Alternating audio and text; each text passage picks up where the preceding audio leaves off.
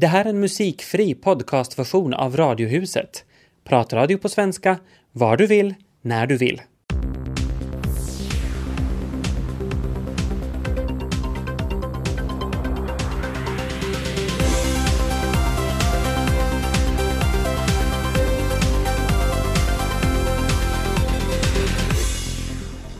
Här börjar Radiohuset torsdag och torsdag betyder att det nästan är veckoslut. Vi håller dig sällskap i Vega ända fram till Aktuellt 17. Unga har svårt att få hjälp när de mår dåligt. Då är krisjouren ett ställe där man lyssnar på svenska. Och Blondinbella, hon tycker precis som Reinfeldt, klart man ska jobba till 75 och gärna än längre ändå. Här i Radiohuset jobbar idag Tobias Larsson och Ami Lassila.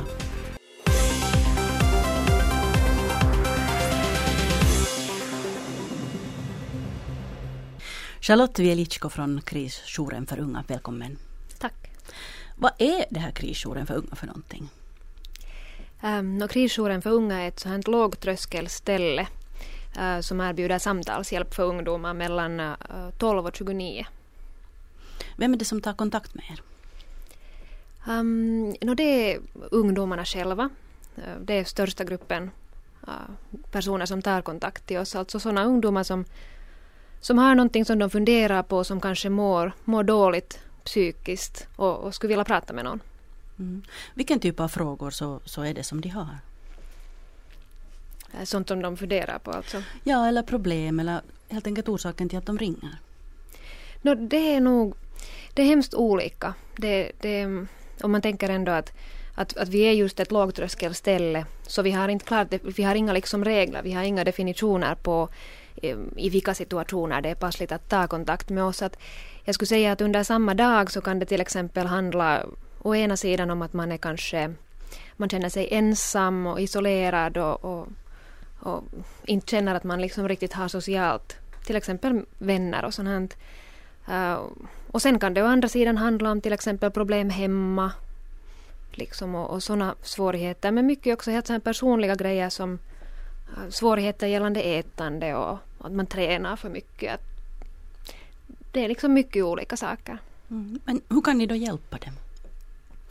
No, det som vi gör om någon tar kontakt till oss så, så brukar vi först liksom lite kolla vad situationen är och, uh, och, och, sen så brukar vi boka en tid för att de får komma och prata helt face to face. Liksom att man får, får sitta ner med någon och, och fundera över sin situation. Här alldeles för några dagar sedan så var det en insändare i Huvudstadsbladet där det var en anonym ung som skrev att krisjouren för unga är det första stället där någon har lyssnat. Vad berättar det här om situationen? No, förutom det att vi såklart är glada över att, att vi har lyckats nå den här unga personen och, och, och gett en känsla av att, att någon nu verkligen bryr sig, vilket är en positiv grej, så, så mest är det ju alarmerande. Alltså det, det kan ju inte vara meningen att det ska vara så att då när man mår riktigt dåligt och sen ändå på något sätt man har liksom samlat sig för att, för att gå ut och skaffa den där hjälpen och att man då ska behöva liksom gå till flera ställen före någon tar en på allvar och, och ger den hjälp som man behöver. Vad är en sån där typisk väg som en ung som känner att den verkligen behöver hjälp och som den måste gå innan den så att säga får den där hjälpen? Uh, no, en typisk väg är ju kanske det att det beror lite på, för här är det en ganska stor skillnad mellan, mellan det att är man alltså under 18 eller över 18. Så att är man under 18 går det ofta via, via skolan. Att man då berättar för skolhälsovårdaren uh, hur man mår och man får kanske då en uh, hänvisning vidare till en läkare och sen kanske det görs då uh, kommer man till, till någon slags psykiatrisk enhet som sen kan göra en, en undersökning. om det behövs, alltså om det behöver gå så här långt. Eh, för, för lite äldre ungdomar så eh, är det oftast så att man, man går till den egna hälsocentralen och därifrån då där får man träffa en hälsovårdare och sen får man då kanske träffa en läkare och det är där som, som det då ibland kan uppstå till exempel sådana situationer var, eh, var läkaren ordinerar medicin utan att man blir erbjuden någon annan hjälp. Och, och det är beklagligt, så borde det inte hur svårt är det för unga att få hjälp idag då? Då, i, I många situationer fungerar det ju bra. Jag vill inte vara liksom allt för, för kritisk och speciellt för de som är under 18 så, så, är det nog, så är det nog ofta så att man får den här vården som behövs. Uh, man får ibland vänta länge och det kan vara långa köer till vård. Uh, och man blir hemskt sällan erbjuden vård på svenska.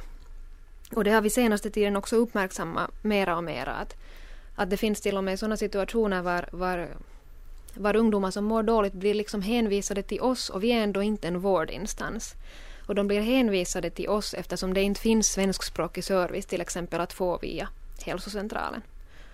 Så, och, och, då är det ju liksom, då, då fungerar saker åt fel håll för det är ju vi som borde hänvisa till, till vårdinstans ifall vår samtalshjälp inte är tillräcklig. No, vad leder det till för, för de här unga när det blir så svårt för dem om de måste köa och, och söka olika instanser innan de får hjälpen? No, alltså, det värsta som kan hända är ju i princip att man helt enkelt ger upp. Det vill säga att när man har liksom försökt på ett par ställen få uppmärksamhet, få någon att märka att, att nu behöver man hjälp så, så att man helt enkelt ger upp och att man blir hemma i ett år. Tills man har liksom igen samlat på sig den här det här liksom orket att, att nej, nu, nu måste jag nog sen också försöka få hjälp. Så att eh, och såklart om man mår riktigt dåligt så kan det ju också hända att man, att man sen mår så pass dåligt att man, man till exempel skadar sig själv. Och, och, och om man blir utanför systemet så att man helt enkelt, att det inte har blivit liksom rätt uppmärksammat då när man har sökt hjälp, att det här, hur allvarlig situationen kan vara, så, så då kan det ju faktiskt gå, gå riktigt dåligt. Hur känns det här sen då när ni till exempel har hänvisat någon vidare och den inte får den hjälp som den behöver? No, frustrerande. Alltså, det, det är liksom svårt och överhuvudtaget så känns det svårt att ibland eh, att ibland måste kanske också liksom förbereda de här ungdomarna för det att kom sen ihåg att, att du ska säga det här och, och du ska säga och, och, och, du måste liksom föra fram det här att det nu är allvar. Att, att inte vill man ju egentligen vara i en sån situation var man, var man liksom påminner den andra att du måste sen stå på dig. Men det där, det som vi ofta brukar göra är att också fast vi i princip försöker hänvisa någon vidare så, uh, så brukar det ändå vara så att, att den här ungdomen kan fortsättningsvis gå hos oss och liksom få stöd under den där processen medan man söker hjälp. Vad skulle du i den här situationen nu då som är nu, om du skulle få bestämma så hur skulle det se ut? Hur skulle de unga bli hjälpta? Men jag skulle säga att jag, skulle vilja att, att det skulle se ut på ett sådant sätt att, att, den, att den psykiska vården skulle vara på samma sätt en självklarhet som den fysiska vården. Om jag bryter benet så, så antar jag nog att jag får den vård som jag behöver. Alltså det finns inte, jag är inte orolig för det. Men om jag till exempel blir deprimerad så då, då kan jag inte liksom på samma sätt lita på att det här är liksom en, en, en klar vårdkedja och att, att, jag, och att den som jag kommer till den första kontakten vet hur jag ska hänvisas framåt. Så alltså det att, att det skulle finnas en, en klar vårdkedja. Att, att alla inom vården skulle veta vart det är som man ska hänvisas vidare. Uh, och för det andra att de här liksom som i primärvården som tar emot till exempel hälsovårdare skulle vara medvetna om det, det som liksom sån här uh, Äh, liksom psykiskt illamående för med sig. Det vill säga att om, om man nu tar det här med att bryta benet igen så det, det där brutna benet hindrar inte en person från att beskriva vad situationen är. Däremot om man mår psykiskt dåligt så kan det vara otroligt svårt att sätta det i ord. Och då är det viktigt att den som tar emot förstår att man är nu inte bara besvärlig utan det här hör till symptomen av det som man lider av. Att det är helt enkelt svårt att uttrycka det.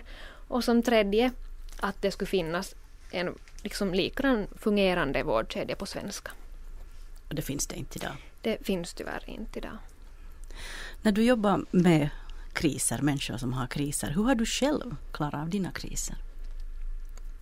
Ja, jag skulle säga att på ganska på olika sätt. Det har liksom utvecklats med åldern.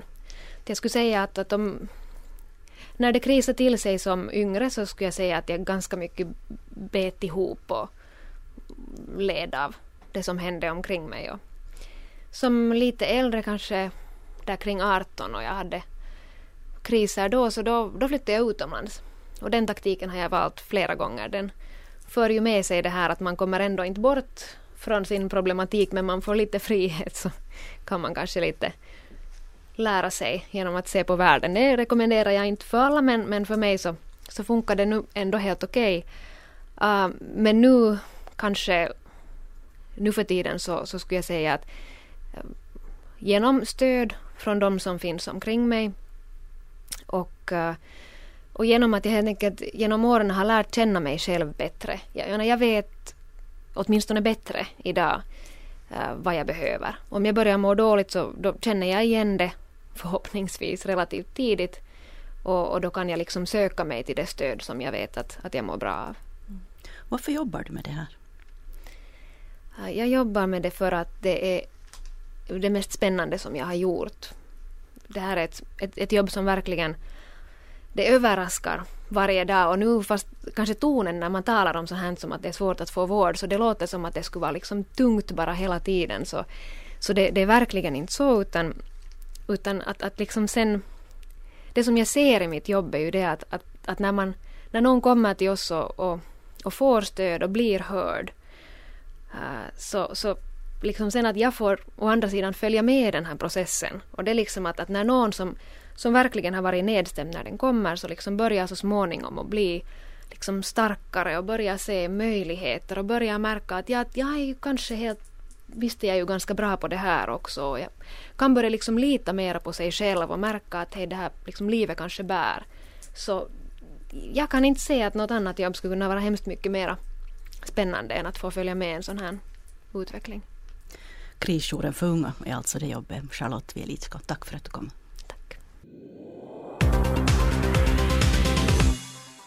Du pratade ju om Reinfeldt igår, alltså Fredrik Reinfeldt, Sveriges statsminister och hans eminenta förslag om att alla borde jobba till 75 års ålder. Mm, där var vi ju lite av olika åsikt. Riktigt så sa han ju faktiskt inte. Jag måste lite försvara Reinfeldt här. Igen? Han, ja, men han sa inte så. Det, det är en feltolkning av tidningarna, men, men i alla fall. Ja, jag tyckte nog det precis lät så faktiskt. Ja, ja, i vilket fall. Eh, en som har tyckt till idag eh, på SVT Debatt det är Blondinbella. Du vet den här eh, bloggerskan eh, Isabella Lövengrip som hon egentligen heter. Eh, hon har skrivit ett inlägg om att det är klart att man ska jobba till 75. Jag kommer att jobba tills jag dör, skriver hon. Jag förstår inte varför jag skulle sluta jobba vid 65. Hon pensionssparar inte därför att när hon blir äldre så tänker hon att hon ska hitta nya sätt att jobba på. Så att hon ska kunna liksom, uppehå- liksom hålla sig på ytan så. Mm, hur gammal är hon?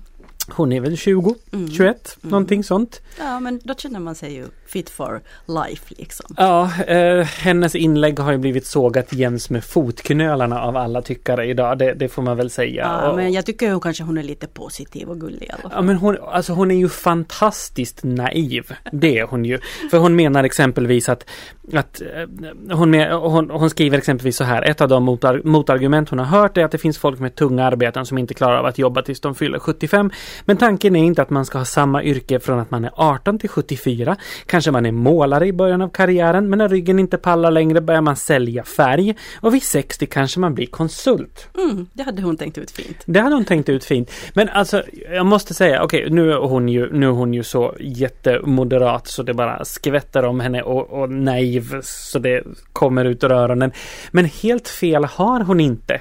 Jag måste hålla med. De här gamla lösningarna kanske vi lite måste gå ifrån. Jag menar, min generation exempelvis och, och de som är yngre. Vi, vi, vi har inte haft så tunga jobb. De flesta av oss kommer inte att vara lika trötta i kroppen vid 60 som min, mina föräldrars generation.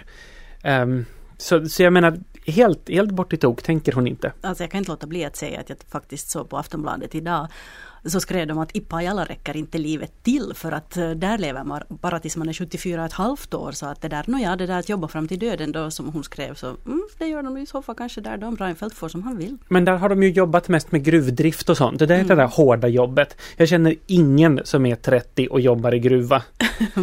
men i och för sig, eh, det får vara hur det vill med det. Men jag kan känna med Blondinbella att jag kan, jag kan sakna att få vara sådär ung och ha sådär självklara svar som hon hon har. Jag undrar, vad hände riktigt med, med det i mig?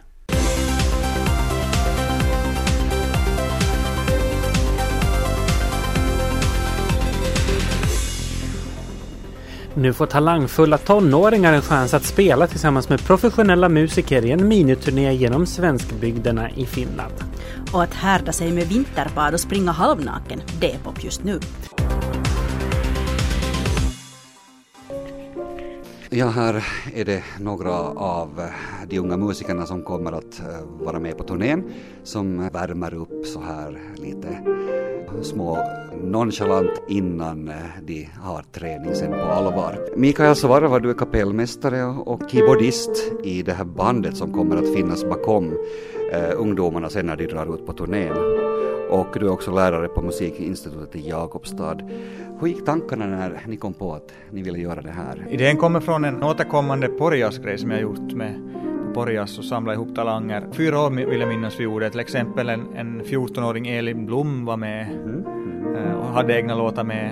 Eh, för några år sedan var Arne Brown där och spelade och plockade upp liksom folk. Eh, finns andra också, Malin Koilen som är eventuellt med i UMK, hon har varit där med. Och, men det var också bara en engångsgrej. Man samlade ihop material och kanske pratade med dem på telefon och så träffades man och repade och så spelade man en, en show. Jag tyckte att det var så synd det här att, att det, det skulle behöva få, få liksom vara med på en ordentlig turné, att för mm. att efter första spelningen så får du mer trygghet, sitt sätt på scen och, och får utvecklas vidare om de ska ha en lite längre turné.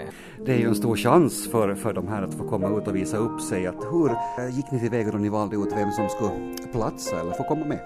No, jag tog kanske här på, det blev ingen audition, ingen, uh, ingen sökning, ingen tävling, utan jag hann plocka, jag ringde runt till musikmänniskor i Svenskfinland, rektorer på musikinstitut och försöka få kontakt den vägen. Och sen också folk känner förstås till, som går på musikhuset på andra stadiet, de, de visste man vad man hade. Och kanske leta sådana som eh, jag visst hade redan någonting eget att komma med, någon egen eh, profil som musiker redan i sina unga år, någon egen identitet som skriver egen musik, eh, som inte behöver vara så mainstream tillrättalagt utan eh, där de, de som redan nu kanske på något vis har något eget de vill uttrycka och de, de försökte jag få med på den här, på den här grejen att jag tyckte att, att det har kanske saknats i flödet av, av talangtävlingar så har det saknats det här, de som har ett genuint eget intresse för någonting, någonting eget uttryck och som att utveckla det och sporra det och jag skulle säga att, inte, det här, att visa upp sig är inte största nyttan av det här utan att få träffas och vara tillsammans och spela ihop. Vi har haft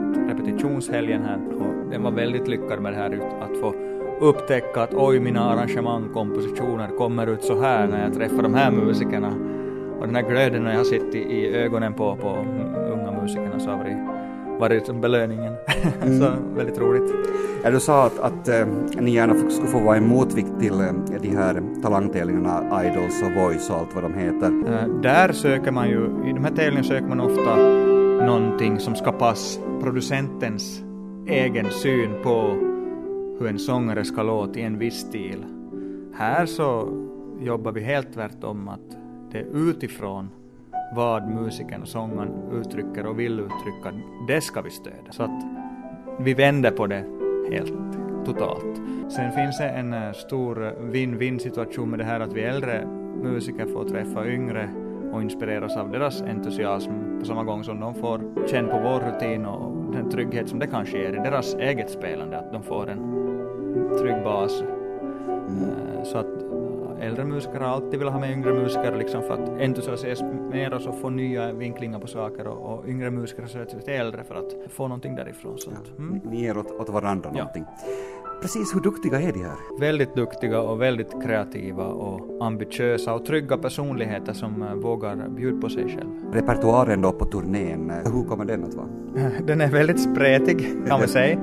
Just för att, att vi vill att, att de ska få uttrycka som de själv vill och önskar. Den är från ganska sån här trygg soul till eh, progressiv eh, rockjazz. Kändare låtar som Birdland, Weather Report. Hälften av materialet har de skrivit helt nytt och det tycker jag är väldigt roligt för det här gänget. Hur ser du på arbetsmöjligheterna sen när de är flygfärdiga? Den här professionella musikerbiten som nu med sig till Österbotten så har vuxit sig väldigt starkt på 15 år. 95 när jag for och studerade till Piteå musikhögskola så då, då var just det var en sån språngbräda att professionella musiker ska börja finnas på rytmsidan i trakten. Sen när jag kom tillbaka 99 så fanns det, då hade på fyra år skett en enorm stor skillnad. Dels hade många flyttat hem som hade varit utomlands och studerat och den här professionalismen hade liksom rejält satt fotfäste. Musikerantalet i svensk Finland som med professionell inställning så har ökat successivt hela tiden och det har inte skapat mindre jobb utan varje professionell musiker som har en egen drivkraft så skapar jobb åt den andra och breddar, breddar liksom geografin och breddar, har egna kontakter som de kan dra nytta på. Så att man ska inte vara rädd för att, att musikerna blir fler, utan de, fler musiker skapar fler jobb. Så har det sett ut hittills. Så har de sin egen, värna om sin egen identitet, någonting som de har som är unikt, så finns det alltid, alltid jobb. Här blev det då ett snabbt byte på pianostolen. Eh, Felix Back hette han som spelade under intervjun med Mikael. Nu har Mikael då satt sig och fortsätter Eh, klinkandet på pianot. Jag har också fått med Arne Braun här. Han är gitarrist och eh, Emma Gustafsson som eh, sjunger. Hur är det att få vara med i det här projektet? Ja, det är ju en otrolig chans som vi har fått när vi blev utvalda här och det är ju en fin möjlighet att få vara med och otroligt bra musiker och jättebra människor, jätteroligt att få vara med. Felix, hur ser du på det här? Jag tycker det var jätteintressant att prova på att skriva musik åt proffsiga musiker. Mm. Så att just få egna låtar uppspelade av riktigt skickliga människor, så det var det spännande. Och gitarristen här, Arne Braun, hur skojigt är det här? No, alltså det är ju alltid en ära att få spela med de här skickliga musikerna och precis som Felix gick in på här så är det ju kul när man som har fått komponera just dem och de spelade och det är jättefint. Hur mycket eget material skriver du till exempel själv? Så mycket jag hinner försöker jag nog med. Men just i den här musikergrejen så blev det nog två stycken låtar. Och Felix, eget material, har du mycket sånt? Jo då, alltså men jag ser mig nog mer som en improvisatör än en kompositör så här, liksom att ibland när jag sätter mig ner vid piano så kommer det någonting men sen så glömmer jag att skriva ner det men det är nog mycket material skulle jag säga. Och just i det här projektet så var det två låtar. Det är spännande sen då hur det ska tas emot. Ja, alltså det, det är ju det där att få se hur de tolkar mina låtar. Att dirigera dem. Mm. Det blir grejen. Det blir grejen. Emma, du sjunger förstås för det mesta, men skriver du också något eget? Uh, jo, jag skriver, men det är nu inte någonting som är med på det här projektet nu. Att det är nu mest för mig själv hemma. Det blir någonting någon gång. Sånt som kommer senare? Ja. Det, det, väntar vi på.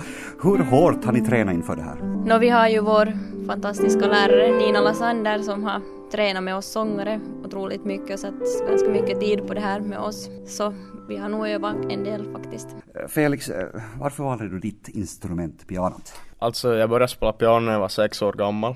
Och det var inte så där att jag riktigt förälskade mig i piano och så började jag spela det utan det har varit mer så här att jag har lärt mig att tycka om det här instrumentet med åren ska jag säga. Det har liksom växt med mig det här instrumentet. Men inte valde det av någon speciell orsak egentligen utan det är nog mer speciellt just nu ska jag säga. Arne, man har ju kunnat läsa också om dig eh, tidigt underbarn som gitarrist och så här. Eh, varför blev det gitarren? Ja, alltså det var egentligen tack vare min storasyster. Så hon köpte en akustisk gitarr här för, vad var det, kanske fem år sedan. Och så föll det ganska naturligt att just börja klinka lite på den. Varifrån fick du sen, ska vi säga, inspiration att gå vidare och, och liksom bli sådär kunnig som du är? Jag vet inte, alltså det var bara någonting med instrumentet som tilltalade mig. Så jag blev väldigt hängiven till det och som mm. satt tid på det och verkligen satsade. Eh, din dröm sen lite senare när du, när du är färdig härifrån, vad, vad blir det? No, att helt enkelt fortsätta med att laga egen musik och kunna spela den och som få uppskattning för det och helt enkelt utvecklas till en god musiker och så. Felix, dina drömmar? Jag vill helt enkelt spela så mycket som möjligt. Många delar av världen med mycket skickliga musiker och laga mycket musik, det är nog det. Så har jag en liten sån här dröm också att om 20 år så ska det sitta liksom små pianister och lyssna på mina låtar och tänka att så där vill jag också spela. Precis som jag sitter nu och lyssnar på andra pianister. Så. Mm. En god vision. Ja, det tycker jag. Och Emma? Jag har ju nog tänkt studera vidare nu till sånglärare men också skriva egen musik och få ut den på något sätt. Vad har ni för tankar om de här talangtävlingarna för snabb berömmelse som Idols och eh, Voice? Nu är det ju en fin tanke och nu förstår jag ju de som vill söka dit men det blir ju ganska kontrollerat på det sättet att jag skulle inte själv söka dit. Jag skulle säga att jag har ju inte egentligen någon koppling till de tävlingarna på något vis egentligen men jag tycker det är, det är nog fint för de som vill att de vill vara, med, vill vara med men just för sådana som har lite mer egen stil och vill göra en helt egen grej så kanske man måste söka en annan väg. Vi instrumentalister har ju inte egentligen så jättemycket att söka där men så, så där säger för just no, artister och vokalister och sånt så kan jag nog tänka att det tjänar sitt syfte och så men det är lite svårt att sätta sig in i deras situation. Arne Braun, Emma Gustafsson och Felix Back får sällskap av närmare tio andra ungdomar under ledning av kapellmästaren Mikael Svarvars kompband. Första spelningen blir ikväll klockan 19.00 på Svenska Gården i Jakobstad. Sen följer Ritz i Vasa på fredag, Tryckeriteatern i Karis på lördag och så avslutas det hela med ett gig på Grand i Borgå på söndag. Reporter här var Peter Falund. Det är ganska kallt idag, var det minus 15 eller något sånt här i Mm. södra Finland? Fullt tillräckligt kallt skulle jag säga. Mm. Det är ganska in att härda sig när det är så här kallt, visste du det? Mhm. Det här med att till exempel vinterbada eller det här med att jogga med bar överkropp i bara shorts och så har man då vantar och mössa. Är det här något för dig Tobias? Ja, det låter jätteroligt. Nej, alltså det, jag kan inte säga att jag riktigt sådär bada bastu och springa ut och rulla sig i snön. Helt okej. Så. Men det är så kort stund så kanske inte riktigt att härda sig. Men alltså på sätt och vis så stämmer det ju. Jag menar, jag har också sådär på vintern att är det riktigt kallt så måste jag gå ut och gå en lång promenad och sen klarar jag kylan mycket bättre. Så det ligger säkert jättemycket visdom bakom. Det är kanske inte det roligaste jag kan komma på så här i brårasket. Men inte det värsta heller kanske. Jag har sett en, en gammal farbror varje morgon när jag har kört till jobbet.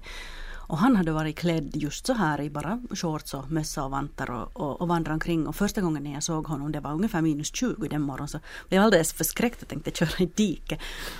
Jag tänkte att hjälp att ha han liksom förirrat sig någonstans ifrån. Men så såg jag nu att han hade mössa och, och vantar på. Och så tänkte jag att okej, okay, tydligen det är nå, någonting som han nu ska göra så här om morgnarna. Och, och faktiskt det, ibland tidigare om vintrarna också, och nu igen så har jag mött en sån här skock med män som, som springer just bara bar överkropp och, och shorts. Och så såg jag någonstans, det här är nu faktiskt då lite av en innegrej. Både det här med att springa halvnaken och, och med att vinterbada. Eh, och man vänjer sig säkert. Jag menar det här med att vinterbada det har ju folk gjort i alla tider. Det tycker vi ju inte Mm. att det är något konstigt med det. Det är som tradition och kanske så praktiskt att skölja av sig efter bastun och sådär. Men nu har det här också fått en sån här hälsostämpel på sig. I Sverige Tobias, vinterbadar folk där? Ja, jo, nog vinterbadar folk, det gör de. Det, det är ju en sådär trend, trendnissarna som tycker om att göra saker som är lite extrema men kanske inte fullt så extrema som att klättra i berg. De kan helt bra vinterbada. Eh, jo då, det finns traditioner av det. det. Det är inte någonting som jag riktigt hängett mig åt kanske. Mm. Och man gör det faktiskt också i Ryssland, och Kina och Nordamerika. Så inte vi är ensamma om det här. Fast jag trodde faktiskt att det var lite så här för, typiskt för Nordamerika kanske och finskt. Och sådär vetenskapligt så är det kanske inte bevisat men, det sägs ju att det förbättrar motståndskraften och minskar stressen. Och folk som har reuma säger att det inte verkar så mycket om de vinterbadar. Och det har faktiskt hållits VM i, i vintersimning som det då ska heta. Ända sedan 2000 och det första hölls i Helsingfors. Och i år är det Lettland som står värd. Kul för Lettland. Mhm. Jag har gjort det faktiskt eh, några gånger alldeles som barn när jag var i Lappland. Och då tyckte jag nog att det skönaste var så där efteråt när luften inte alls kändes så kall längre och man kunde stå där naken och titta sig omkring. Jag hör väl till de som är sådär normalt inredningsintresserad. Jag gillar att eh, kika inredningstidningar och jag hämtar inspiration därifrån ibland men inreder ändå sådär i min egen stil. Eh, den senaste trenden är ju naturmaterial. Det är mycket trä i inredningen just nu. Och det har ju redan länge hört till i varje hippt hem att eh, ha en vedtrave snyggt radat bredvid eldstaden. För en öppen spis, kakelugn eller kamin av något slag, det hör ju till. Det bör ju finnas i varje hem om man ska vara riktigt inne, enligt tidningarna då. Ja, vi måste vara hur hippa som helst eftersom vi har inte mindre än fyra eldstäder i vårt hus. Men eh, vi har ingen snyggt uppradad vedtrave. Även om vi faktiskt skulle ha det perfekta stället för en sån. Vi har en fördjupning i muren bredvid spisen i köket. Men den använder vi istället till att förvara tidningar och annat papper att göra upp eld med. För det är just det vi gör i våra spisar. Eldar. För att få värme. Inte för mysfaktorn eller för att det är trendigt. Och då känns det ju bara dumt att rada ved snyggt bredvid spisen. Varför det liksom?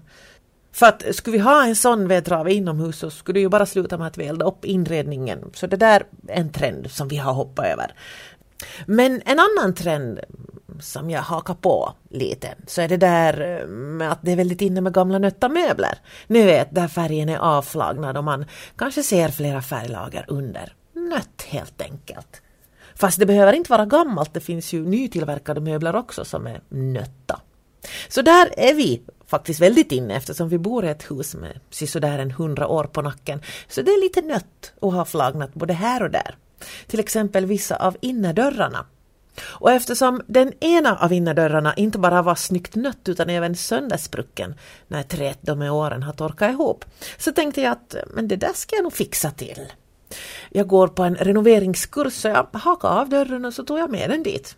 Och sen så skrapar jag färg och jag skrapar färg och jag skrapar färg.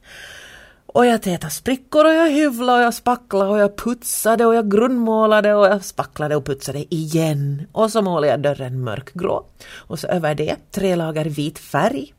Och sen, när dörren var jättefin, så tog jag ett sandpapper och gned bort en del av den vita färgen så att den grå färgen kom fram och då såg ju dörren nött ut. En av mina kurskamrater missade den där kurskvällen när jag gick lös på dörren med sandpapper och när hon nästa gång såg den så sa hon Jaha, tänker du börja fixa till ännu en gammal nött dörr? Och i det ögonblicket så insåg jag att jag hade slipat och putsat och gnidit på en dörr flera timmar varje tisdagkväll hela hösten och fortsatt med det halva våren. Och det enda som det resulterade i var att dörren till slut såg precis likadan ut som när jag började. Vissa tycker ju att det är ett tecken på att jag har gjort ett bra jobb och uppnått önskat resultat och visst, men ändå, det känns liksom lite bak och fram. Nå, nu sitter den ju där då, var den ska, min dörr. Eh, hemma på vinden och ser gammal och nött ut. Fast den egentligen är sprillans nymålad och fixad. Och jag kan inte bestämma mig för om det är bra eller dåligt. Mitt namn är Filippa Sundlin och nu håller jag på att fixa till ännu en dörr. Fast den ska jag inte gå lös på med sandpapper när den är nymålad. Det har kommit ett sånt här riktigt viktigt forskningsrön om ni undrar vad alla våra skattepengar som går till forskning går till. Forskare har kommit fram till att bananflugor, du vet de här små irriterande, mm, de är gubb och gumsjuka. De, de byter doft, ju äldre de blir så börjar de, så, så börjar de lukta på ett annat sätt och nu har forskarna lyckats bevisa att de äldre bananflugorna dras till yngre bananflugor och vill para sig med dem. Nej, jag tror det, inte på det här. Det här det måste vara någon legend. Nej, ser du. Nej, nytt forskningsrön. Det står om det på svt.se idag. Uh, och, och då är det liksom så att de vill, ja, Jepp, hitta de så här ungdomen så. Och det här har man då gjort genom att uh, forska, kolla in de här bananflugor i åldrarna 7 till 65 dagar. Så sån här bananflugeparfym kanske skulle vara någonting. Nej, då ska man dra till sig alla de där gamla bananflugorna. Usch. I alla fall om det är så här färsk bananflugeparfym. Annars kan man ju spruta ut den och så, och så slipper man dem fullständigt. Så drar de någon annanstans och hoppas hitta någonting intressantare någon annanstans. Befolkningsmängden på, Ö på Åland ökar och ökar. I fjol ökade den med hela 300 människor. Det här är ju jättegoda nyheter för Åland naturligtvis. Så vi ringde upp Astrid Olhagen på Ålands Radio TV och frågade vad den här ökningen egentligen beror på. Ja, inte är det att det föds flera barn. Det kanske det också gör i och för sig. Men, men framförallt så är det ju att det, det är en inflyttning till Åland och det har det ju varit under ganska lång tid. Vad är det på Åland som attraherar inflyttare? Jag tror att en bidragande orsak är att vi har en förhållandevis väldigt låg arbetslöshet här. Uh, och det, sen är det ju det att det, det har ju liksom det lilla samhällets alla fördelar med, med närhet mellan hem och arbete och bra barnomsorg och hyfsade skolor och sådär. Hela den där strukturen är, är ju ganska väl utbyggd här. Hur lätt är det att flytta till Åland? Ja, alltså om du tänker på hembygdsrättens begränsningar så är det ju ingenting som hindrar att man flyttar hit. Tvärtom, man blir ju nog väldigt välkommen när man flyttar hit. Sen är det ju det där då med om man ska äga fastigheter eller om man ska starta egen näringsverksamhet som, som man då antingen måste ha hembygdsrätt för eller få dispens för. Och du får ju ofta dispens för att köpa köpa mark om det är så att säga inom, inom planerat område. Det är ju framförallt de här oplanerade skärgårds stränderna som inte säljs bort. Så det är inget svårt att komma hit och flytta hit. Befolkningssiffrorna visar ju att Ålands befolkning ökar. Samtidigt så minskar befolkningen i de små kommunerna på Åland. Vad, vad beror det på? Ja, det är ju en, det är ju liksom ingenting som är specifikt för Åland egentligen, utan det är ju samhällsutveckling överallt. Att det, det är inflyttning till centrum och utflyttning från periferin. Så är det ju överallt och så är det också här. Hur klarar sig de små kommunerna på Åland? Ja, inte särskilt bra. Det, det, det, framförallt de minsta har ju stora problem med att, att klara de här uppgifterna som, som åligger kommunerna att, den, att upprätthålla service och ta hand om sina gamla och sånt där. Det, det är stora problem. Här i fastlandsfinland så diskuterar vi ju kommunreformer, att man ska slå ihop små kommuner och göra större enheter. Hur mycket funderar man i sådana banor på Åland?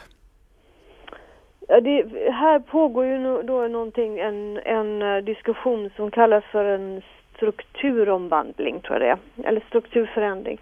Uh, man, är, man, är lite, man vill inte slå ihop alla kommuner. Det, det, är ett för drastiskt steg tycker man. Men däremot så försöker man hitta sätt för kommunerna att samarbeta inom olika områden så att, så att man inte ska behöva behöva liksom utplåna kommuner. Vi har ju, vi har ju väldigt små kommuner. Vi är ju totalt sett om vi då är 28-29 000 så, så är, på det så finns det då 16 kommuner varav den minsta Sottunga har drygt 100 invånare. Så det, det ju det är liksom det säger sig själv att det inte riktigt går att, att upprätthålla full kommunal service med drygt 100 invånare. Vad är det positiva med att ha små kommuner? Ja, alltså det positiva är ju närheten till, till uh, mellan medborgare och de som är förtroendevalda. Att det är all, aldrig långt att, att uh, ringa ett samtal till den som, som bestämmer. Hur tror du själv att framtiden ser ut för Ålands 16 kommuner? Jag tror att de 16 kommunerna på Åland, det är möjligt att de kommer finnas kvar till namnet men, men jag har väldigt svårt att se att de rent funktionellt eh, kommer att fungera fullt ut som, som fullvärdiga kommuner, all, alla 16, utan jag tror att det av nödvändighet kommer bli så att de, att de kommer att få så långtgående samarbeten på olika plan och på, inom olika områden så att de i själva verket in, kommer upphöra som, en, som egna enheter. Men, men namnen kommer säkert finnas kvar. Det sa Astrid Olhagen på Ålands Radio och TV. Vet du vad vi firar för dag idag? Mm, häromdagen var det semikolonets dag så det kan inte vara det. Det är säkert någonting annat. Förbudslagen upphävdes för 80 år sedan. Mm. Den 9 andra 1932. Då var jag inte född än. Nej, inte jag heller faktiskt. Då blev det staten, alltså Alko, som fick monopol på att sälja sprit. Det här med förbudslagen, jag tycker det är så konstig tanke idag. Ja, det, minst sagt ja. Man ville ju så väl förstås med den. Man, man ville att det ska vara ordning och reda och att folk skulle bli friskare och att moralen i samhället skulle få sig ett uppsving. Men jag vet ändå inte riktigt hur de tänkte för att mm, som alla vet så blev det ju ganska mycket olagligheter. Det smugglades och hembrändes och det såldes svart sprit och ja, det var ju inte sådär jättebra precis. Nej men det vet ju alla fortfarande att det enklaste sättet att få ungdomen att testa saker är att förbjuda det. Mm. Allt som är farligt och förbjudet blir härligt härligt. Mm. Ja. Och så funderar jag bara på att Tänk så lång väg vi har kommit från det där när vi har, vi har självbetjäningsalkon. Och hela den här kulturen att man smakar på viner och, och lär sig om dem och så dricker man mera skumpa. Jag gillar!